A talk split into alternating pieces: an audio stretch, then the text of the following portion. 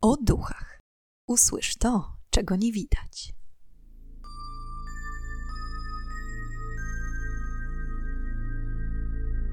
Witam i pytam, czego dusza pragnie.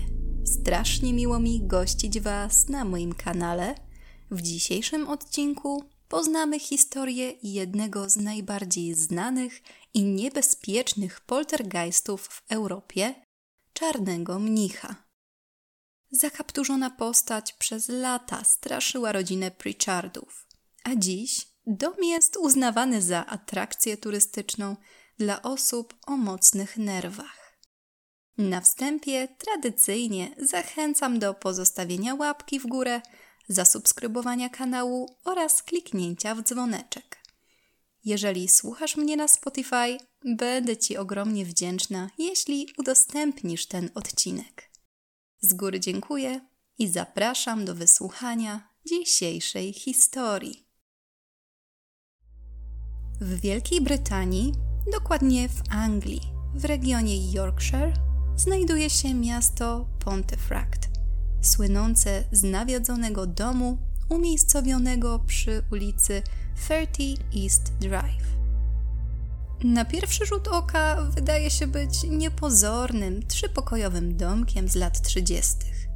Jednak jego historia oraz wydarzenia, jakie dzieją się w nim od ponad 50 lat, mogą przyprawić o gęsią skórkę. W sierpniu 1966 roku rodzina Pritchardów, Jen i Joe oraz dwójka ich dzieci, 15-letni Philip i 12-letnia Diane, przeprowadzili się do domu przy 30 East Drive z nadzieją na nowe, lepsze życie w spokojnej dzielnicy. Krótko po przeprowadzce, na przełomie sierpnia i września, rodzice wraz z Diane wybrali się na kilkudniową wycieczkę, pozostawiając Filipa pod opieką babci, pani Scholz, mamy Jen. Nowym mieszkańcom nie było dane długo czekać na pierwsze przerażające wydarzenia w domu. 1 września pani Scholz wieczorem usiadła w fotelu w salonie, aby poszydełkować. Filip postanowił potowarzyszyć babci i również udał się do salonu. Kiedy tylko przekroczył próg pokoju, drzwi zamknęły się z trzaskiem, a przez pomieszczenie przebiegł podmuch lodowatego powietrza, pozostawiając po sobie ślad kredowego pyłu na meblach i podłodze. Zszokowana pani Scholz zaniemówiła. Filip zerknął w górę, pewny, że owy dziwny pył był wynikiem ukruszenia się tynku na suficie. Jednak nic bardziej mylnego, gdyż warstwa zaczynała się ewidentnie na meblach, na wysokości mniej więcej od pasa w dół. Cóż więc mogło utworzyć tę kredową mgiełkę? Jako, że to dziwne zdarzenie spowodowało duży nieporządek w salonie, babcia z wnukiem, chcąc posprzątać dom przed powrotem rodziców, poprosili o pomoc ciocię Filipa, Mary bądź Kelly, w zależności od źródeł, mieszkającą na sąsiedniej ulicy. Ciotka zaraz po przybyciu na 30 East Drive skierowała się do kuchni po środki czyszczące. Kiedy przekroczyła próg kuchni, poślizgnęła się na kałuży wody, która pojawiła się tam znikąd, ponieważ kran nie przeciekał, a w pobliżu nie było żadnej butelki ani słoika. Co jeszcze dziwniejsze, kiedy sięgnęła po ścierkę, chcąc wytrzeć wodę, kałuża natychmiast pojawiała się ponownie na podłodze pokrytej linoleum. Salon udało się wyczyścić i następnego dnia, zmartwiona ciągle obecną kałużą wody w kuchni, pani Scholz zadzwoniła po hydraulika. Ten sprawdził rury, krany i zawory, ale wszystko było w porządku. Opuścił dom, a kałuża jak była, tak pozostała w kuchni. Pod wieczór miało miejsce kolejne dziwne wydarzenie. Szafa w salonie zaczęła kołysać się na boki i przemieszczać nieznacznie po podłodze. To przeraziło panią Scholz i Filipa do tego stopnia, że postanowili resztę dni spędzić u cioci Mary, czekając na powrót Jen i Joego. Już wtedy zaczęli podejrzewać, że dom może być nawiedzony. Mary zaproponowała pomoc. Wraz z mężem Wickiem mieli dobrego znajomego, wykazującego zdolności paranormalne, pana O'Donalda. Poprosili mężczyznę, by udał się do domu i sprawdził, co wywołuje te dziwne wydarzenia. Jeszcze tego samego wieczora medium postanowiło zbadać sprawę. Gdy tylko wszedł do środka, przez cały pokój przeszedł podmuch zimnego wiatru. Poza tym jednak nie wydarzyło się nic nadzwyczajnego. Pierwsze, co nasunęło się na myśl o Donaldowi, to to, że zjawiska mogą być spowodowane obecnością poltergeista i zaznaczył, że poltergeisty często niszczą fotografie. Porozglądał się jeszcze chwilę po domu, ale nie znalazłszy niczego więcej, pożegnał się i wyszedł. Ledwo Mary i Vic zamknęli za znajomym drzwi, to niemal natychmiast usłyszeli trzask dochodzący z sypialni. Kiedy weszli do pokoju, ich oczom ukazały się porozrzucane po podłodze ramki ze zdjęciami. Szybki były roztrzaskane, a zdjęcia pocięte. To utwierdziło ich w przekonaniu, że O'Donald miał rację. Jednak, jak to w przypadku poltergeistów bywa, zjawiska zniknęły tak szybko, jak się pojawiły. Zanim reszta domowników wróciła z wakacji, duch zaprzestał swojej złowrogiej działalności. Kałuża w kuchni zniknęła i dom uspokoił się na całe dwa lata. Aż do pewnego popołudnia w 1968 roku, kiedy to zaproszona przez Jen pani Scholz popijała z nią herbatkę w salonie. Kobiety nagle usłyszały hałas w holu. Zaniepokojone wyszły zobaczyć, co się dzieje, i ich oczom ukazały się pościele Jen i Filipa oraz kilka doniczek z kwiatami, porozrzucane po podłodze. Pani Scholz nie miała wątpliwości. Zaczęła ostrzegać córkę, że to na pewno poltergeist, że wrócił i znów będzie nękać ich rodzinę. Nie pomyliła się. Od tamtej pory niemal codziennie w domu działy się dziwne rzeczy, które tym samym zapoczątkowały serię trwającą nieprzerwanie przez kilka lat.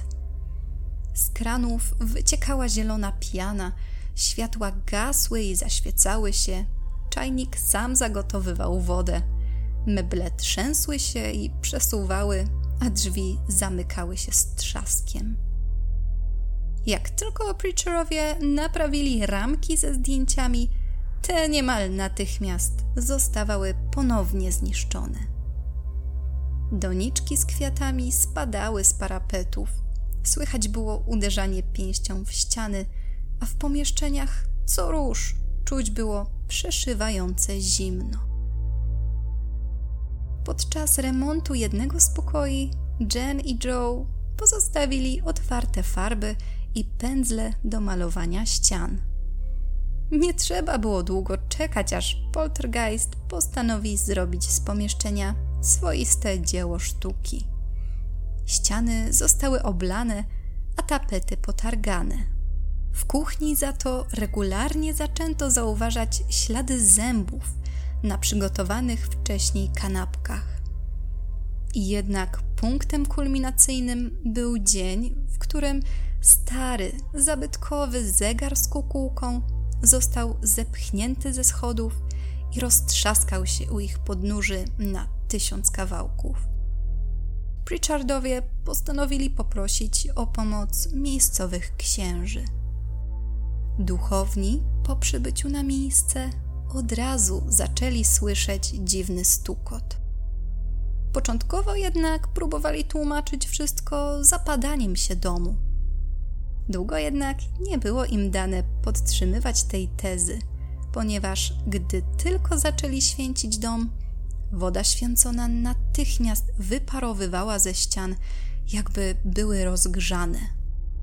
Na domiar złego, kiedy jeden z księży zaczął odprawiać egzorcyzm, został uderzony w twarz niewidzialną ręką, a drugi został popchnięty. Na koniec modlitwy wszyscy obecni w domu zobaczyli, jak świecznik unosi się samoistnie z nad stołu i wędruje w stronę księdza, aby pomachać mu płomieniem przed twarzą. Po tym incydencie duchowni pożegnali się z Pritchardami, mówiąc, że w domu czai się zło i przepraszają, ale nie mogą pomóc, po czym pośpiesznie opuścili posiadłość. W tamtym momencie wieść o nawiedzonym domu przedostała się do lokalnej prasy i nie schodziła z czołówek gazet. Pan Nikt, jak początkowo nazywali go redaktorzy, stał się głównym tematem rozmów mieszkańców. Niedługo później Pritchardowie przekazali informację, że poltergeist przez nich samych nazywany jest pieszczotliwie Fredem, ponieważ mają wrażenie, że wtedy jego wybryki są mniej inwazyjne. Wszystkiemu, co opowiadali Pritchardowie, nie chciała dać wiary ciotka Maud, siostra Joego. Uważała, że to, co dzieje się w domu, to sprawka Filipa i Diane, którzy poprzez płatanie figli chcieli zwrócić na siebie uwagę rodziców. Dlatego też postanowiła ich odwiedzić i przekonać się o prawdziwości wydarzeń na własnej skórze. Gdy tylko Maud przyjechała na 30 East Drive i weszła do domu, wszystkie światła zgasły. W dalszym ciągu niewierząca ciotka, jak gdyby nigdy nic, rozgościła się i weszła do kuchni. I w tym momencie drzwi lodówki otworzyły się. Wazon z mlekiem powoli wyłonił się z jej wnętrza i skierował w stronę Maud. Kobietę sparaliżował strach, a po chwili już cała zawartość dzbanka powoli zaczęła wylewać się jej na głowę. Całe wydarzenie rozśmieszyło Filipa i Diane, ale ciotce nie było do śmiechu. Rozwścieczona zaczęła mówić, że nie wie, jak dzieciakom się to udało, ale ona udowodni, że to wszystko jest jedną wielką mistyfikacją. W tym celu poprosiła Jen i Joe o możliwość nocowania w jednym pokoju z dziećmi, aby mieć je na oku. Rodzice oczywiście się zgodzili. Tej nocy doszło do całej gamy śmieszno strasznych wydarzeń. Jedzenie wyrzucone z lodówki leżało na podłodze w całej kuchni. Światła migotały nieustannie, a kiedy cała trójka powoli kładła się spać, lampka nocna, przymocowana do ściany nad głową Maud, oderwała się i dosłownie wyleciała przez drzwi na hol. W pewnym momencie na łóżku Diane pojawiły się żarówki, na co dzień znajdujące się w kominku gazowym. Ale to, co najbardziej przykuło uwagę ciotki i bratanków, to skrzypienie i powolne uchylanie się drzwi pokoju. Po chwili skrzypienie ustało, a po obu stronach drzwi wyłoniły się wielkie, włochate ręce. Początkowo byli pewni, że ręce należą do jakiegoś dzikiego zwierzęcia, ale po chwili było jasne, że są to dwie włochate rękawiczki ciotki. Rękawiczki zaczęły przesuwać się w górę i w dół, aż w pewnym momencie przerażona kobieta zaczęła krzyczeć, żeby zła siła odeszła i zostawiła ich w spokoju. Nic to jednak nie dało. Dlatego też kobieta bez większego namysłu zaczęła śpiewać hymn narodowy Wielkiej Brytanii. Totalnie nie mam pojęcia, czemu to miało służyć, ale jedyne, co tym spowodowała, to to, że futrzaste rękawice zaczęły przyklaskiwać jej w rytm i robić ruchy takie podobne do dyrygenta orkiestry. Gdy tylko kobieta przestała śpiewać, rękawice zniknęły, a do rana nie wydarzyło się nic więcej. Jak się można domyślić, od tej pory Maud zaczęła wierzyć, że wydarzenia w domu rodziny jej brata nie były wymysłem dwójki nastolatków. Po wizycie kobiety, poltergeist po raz pierwszy zaczął ukazywać się rodzinie, a jego wygląd budził grozę. Widziano go zawsze jako ciemną, zakapturzoną postać w długich szatach snującą się po domu. Pritchardowie porównywali go do mnicha lub zakonnika. Znajomi odwiedzający rodzinę również potwierdzali, że widzieli zakapturzoną postać znikającą za rogiem, a niekiedy czuli nieprzyjemne głaskanie po głowie. I choć do tej pory większość szkód, jakie powodował poltergeist, nie zagrażały życiu mieszkańców, to po wizycie ciotki Pritchardowie mieli wrażenie, że duch postawił sobie za cel nękanie czternastoletniej wtedy Diane. Często budziła się z zadrapaniami i siniakami, a pewnej nocy została wyszarpana za włosy z łóżka, przeciągnięta przez cały hol, a następnie po schodach na piętro. Gdy tylko tajemnicza siła puściła dziewczynę, na jej szyi pojawiły się czerwone ślady zaciśniętej dłoni. Wraz ze wzrostem brutalności poltergeista, Pritchardowie zaczęli interesować się, kim za życia był duch nękający ich rodzinę. I dociekliwość się opłaciła, ponieważ w niedługim czasie udało im się ustalić co nieco na temat przeszłości domu. Otóż kilkaset lat wcześniej naprzeciwko domu znajdował się plac, na środku którego stała szubienica służąca do publicznych egzekucji.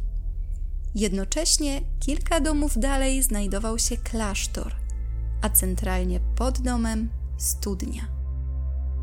Podobno w XVI wieku pewien mnich, znany dziś jako czarny mnich z Pontefract, Black Monk, ojciec Michel czy właśnie Fred, został oskarżony o gwałt i zamordowanie małej dziewczynki Emmy, a następnie powieszony.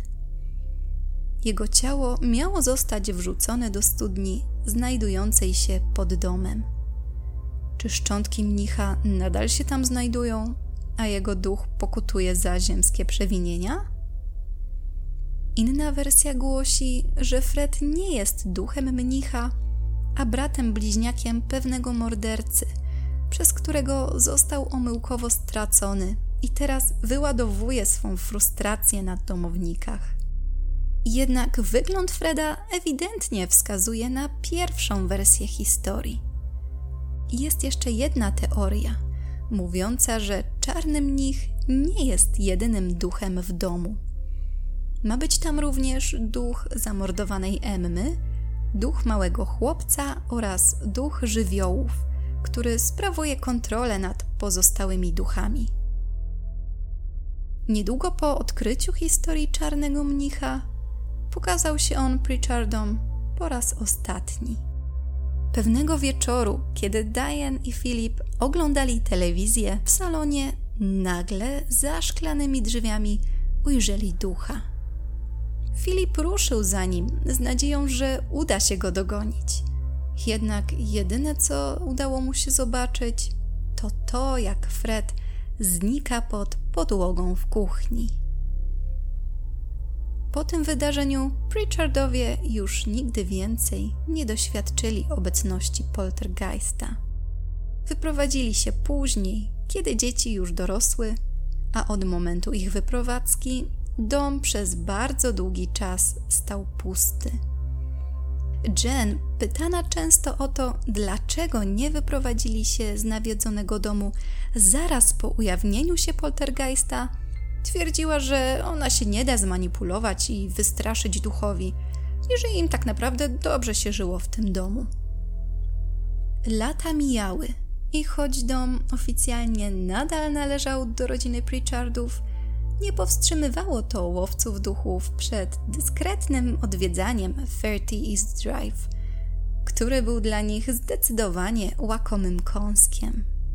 Dom zbadał innymi Peter Bolton, który twierdzi, że udało mu się sfotografować czarnego mnicha właśnie przy schodach prowadzących na piętro. Z czasem Pritchardowie utworzyli na 30 East Drive tak zwany dom otwarty, do którego każdy mógł legalnie wejść. W czasie, gdy dom był otwarty dla zwiedzających, opiekę nad nim sprawowała sąsiadka imieniem Carol, która, będąc medium, niejednokrotnie była świadkiem, jak czarny mnich przechadzał się po ogrodzie lub był widziany w oknach domu. Oprócz tego, Carol po pewnym czasie miała wrażenie, że Fred zaczął objawiać swą obecność również w jej domu poprzez szereg dziwnych wydarzeń. Między innymi pościel syna Carol kilka razy uformowała się na kształt człowieka. Niejednokrotnie też widziała cień wysokiej postaci snującej się po domu.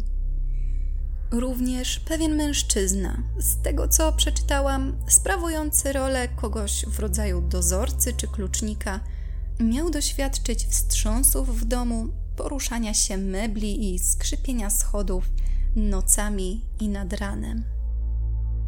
W 2012 roku do kin wszedł horror pod tytułem When the Lights Went Out, luźno oparty na historii czarnego mnicha i rodziny Pritchardów. Jeszcze przed premierą producent Bill Mangay zastanawiał się nad dobrym chwytem marketingowym dla nowego filmu. I wtedy wpadł na pomysł, aby odkupić od Pritchardów posiadłość przy 30 East Drive. Mężczyzna początkowo był sceptycznie nastawiony do istnienia i obecności Freda w domu – a zakup miał po prostu nagłośnić premierę filmu. I w pewnym stopniu to się udało. Podczas premiery filmu Bangaj skrzyknął ekipę filmową, która nakręciła dokument na temat jego nowej posiadłości. Zaprosił do udziału w projekcie również kilka osób z planu filmowego. Między innymi dwie aktorki występujące w filmie. Bangaj zaproponował, aby zrobili sobie w trójkę pod domem pamiątkowe selfie. Gdy tylko wyciągnął komórkę i zrobił zdjęcie, telefon nagle się wyłączył, choć nie był rozładowany. Bangaj podpiął telefon do prądu, ale po zdjęciu nie było śladu, choć cała trójka jednogłośnie potwierdziła, że zdjęcie zostało zrobione. Philip Pritchard również pojawił się w tym czasie w nawiedzonym domu. Przestrzegał sceptycznie nastawionych filmowców, aby nie podchodzili zbyt lekceważąco do sprawy czarnego mnicha. I nie były to puste słowa, ponieważ ostatniego dnia zdjęć do dokumentu poltergeist się uaktywnił. Czajnik bez przerwy włączał się i wyłączał – Termometr, na co dzień znajdujący się przy kominku, ciągle znikał i pojawiał się w różnych miejscach. Jeden z filmowców poczuł, jak niewidzialna siła przytrzymuje go na łóżku, przez co nie może wstać. Pęk kluczy, znajdujący się przy wejściu, nagle znalazł się w niedziałającym odkurzaczu. Po zakończeniu zdjęć ekipa sprzątająca wraz z Bangajem około drugiej w nocy chcąc opuścić posiadłość, Nie mogła zasunąć bramy wjazdowej, ponieważ coś szarpało ją w przeciwną stronę. Kiedy w końcu udało się bramę zamknąć, ktoś wewnątrz domu zaczął krzyczeć, że drzwi trzasnęły z hukiem i nie może się wydostać. Światła zgasły, a osoby obecne przy posiadłości przestraszyły się nie na żarty. Po niedługim czasie udało im się wyszarpać drzwi i wypuścić mężczyznę ze środka, ale okazało się, że brama znów została otwarta. Mężczyźni wyjechali spod 30 East Drive i od tej pory podobno znajomi nie chcieli odwiedzać Bangaja. Jeśli jednak już ktoś się odważył, narzekał na przeszywające zimno, mimo że w domu było włączone ogrzewanie. Lodówka i niektóre szafki zacinały się, nie dając się otworzyć, a pewnego dnia Bangaj znalazł kilka rozsypanych puzli na dywanie, mimo iż opakowanie było nadal oryginalnie zamknięte. W związku z niewyjaśnionymi wydarzeniami producent postanowił sprzedać dom. Jednak niestety nie było chętnego kupca. Mimo to postanowił się wyprowadzić, a żeby móc opłacić swoje mieszkanie oraz dom przy 30 East Drive, wymyślił, że dom mnicha zamieni na atrakcję turystyczną dla miłośników mocnych wrażeń. I tym oto sposobem po dziś dzień można zwiedzać dom, a nawet w nim nocować, czego jednak nie poleca właściciel. Podobno przed wejściem do domu należy podpisać oświadczenie, że ewentualny uszczerbek na zdrowiu spowodowany obecnością Freda nie będzie rekompensowany przez właściciela domu i zwiedzający wchodzą do niego na własną odpowiedzialność. Mimo to kolejki są bardzo długie i można czekać na wizytę nawet rok. Podczas zwiedzania trzeba trzymać się sztywno ustalonych zasad. Na przykład nie można spożywać alkoholu, zabronione jest również podłączanie czajnika do prądu, odprawianie egzorcyzmów na własną rękę oraz granie w Wii. Jeśli ktoś jeszcze nie słyszał poprzedniego odcinka o tej właśnie grze, to serdecznie zapraszam. Na oficjalnej stronie internetowej 30eastdrive.com w zakładce 288 Recent Happenings opisanych jest 288 zeznań świadków doświadczających zjawisk paranormalnych podczas zwiedzania domu. Link do strony znajdziecie w opisie filmu na samym dole.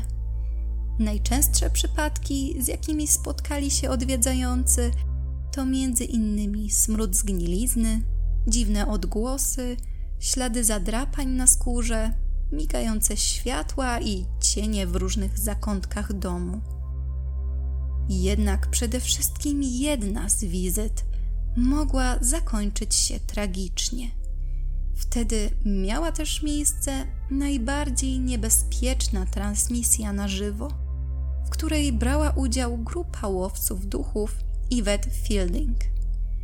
Postanowili oni odwiedzić 30 East Drive w noc Halloween. Tej nocy czarny mnich był niezwykle brutalny. Jeden z filmowców, podobnie jak Diane, został przeciągnięty przez hol po schodach na piętro, a na jego szyi ukazały się czerwone ślady zadrapań i odciśniętych dłoni.